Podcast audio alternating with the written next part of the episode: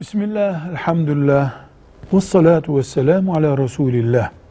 Kur'an Allah'ın kitabıdır.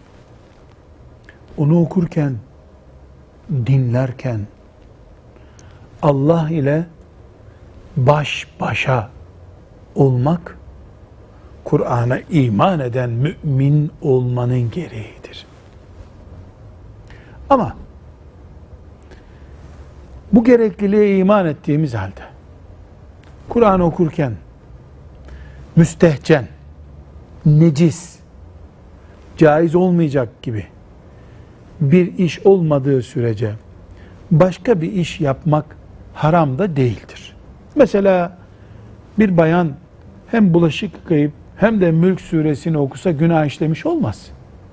Bir Müslüman hem araba kullanıp hem e, Kur'an-ı Kerim okuyabilir. Ama bir Müslüman hem televizyon izliyor, dizi izliyor hem de Kur'an okuyor. Bu olmaz.